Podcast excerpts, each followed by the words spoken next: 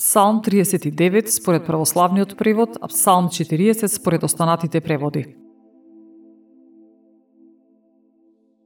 Трпеливо се надевав на Господ, и тој се наклони над мене и ја чу молитвата моја.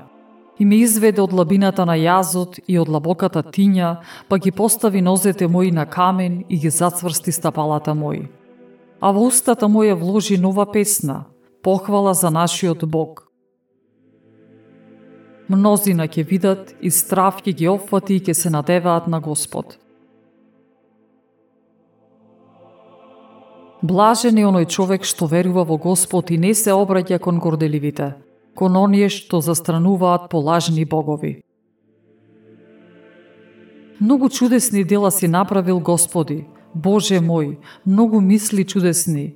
Кој може да се спореди со Тебе?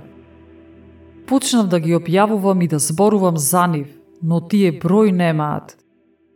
Жртви и приноси ти не бараш, но ушите ми ги отвори, се паленица и жртва за грев ти не побара. Тогаш реков, еве идам, во свитокот на книгата за мене е напишано. Со задоволство ќе ја исполнам волјата Твоја, Боже мој. Твојот закон е во срцето мое. Ја објавив Твојата правда во големото собрание. Не и бранев на устата моја. Ти го знаеш тоа, Господи.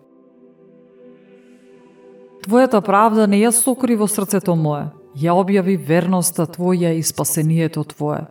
И не ги затави Твојата милост и Твојата верност од собранието.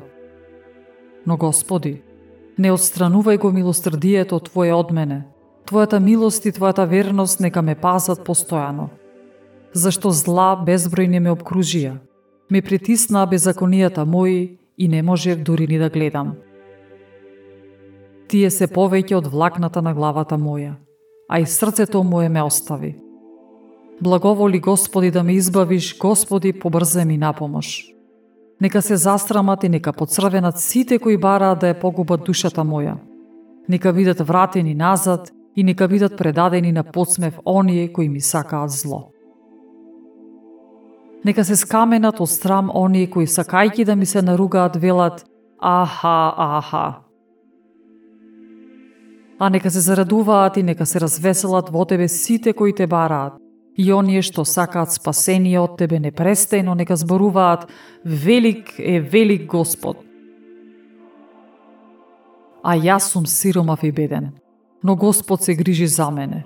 Ти си помошник мој, заштитник мој. Боже мој, не задоцнувај.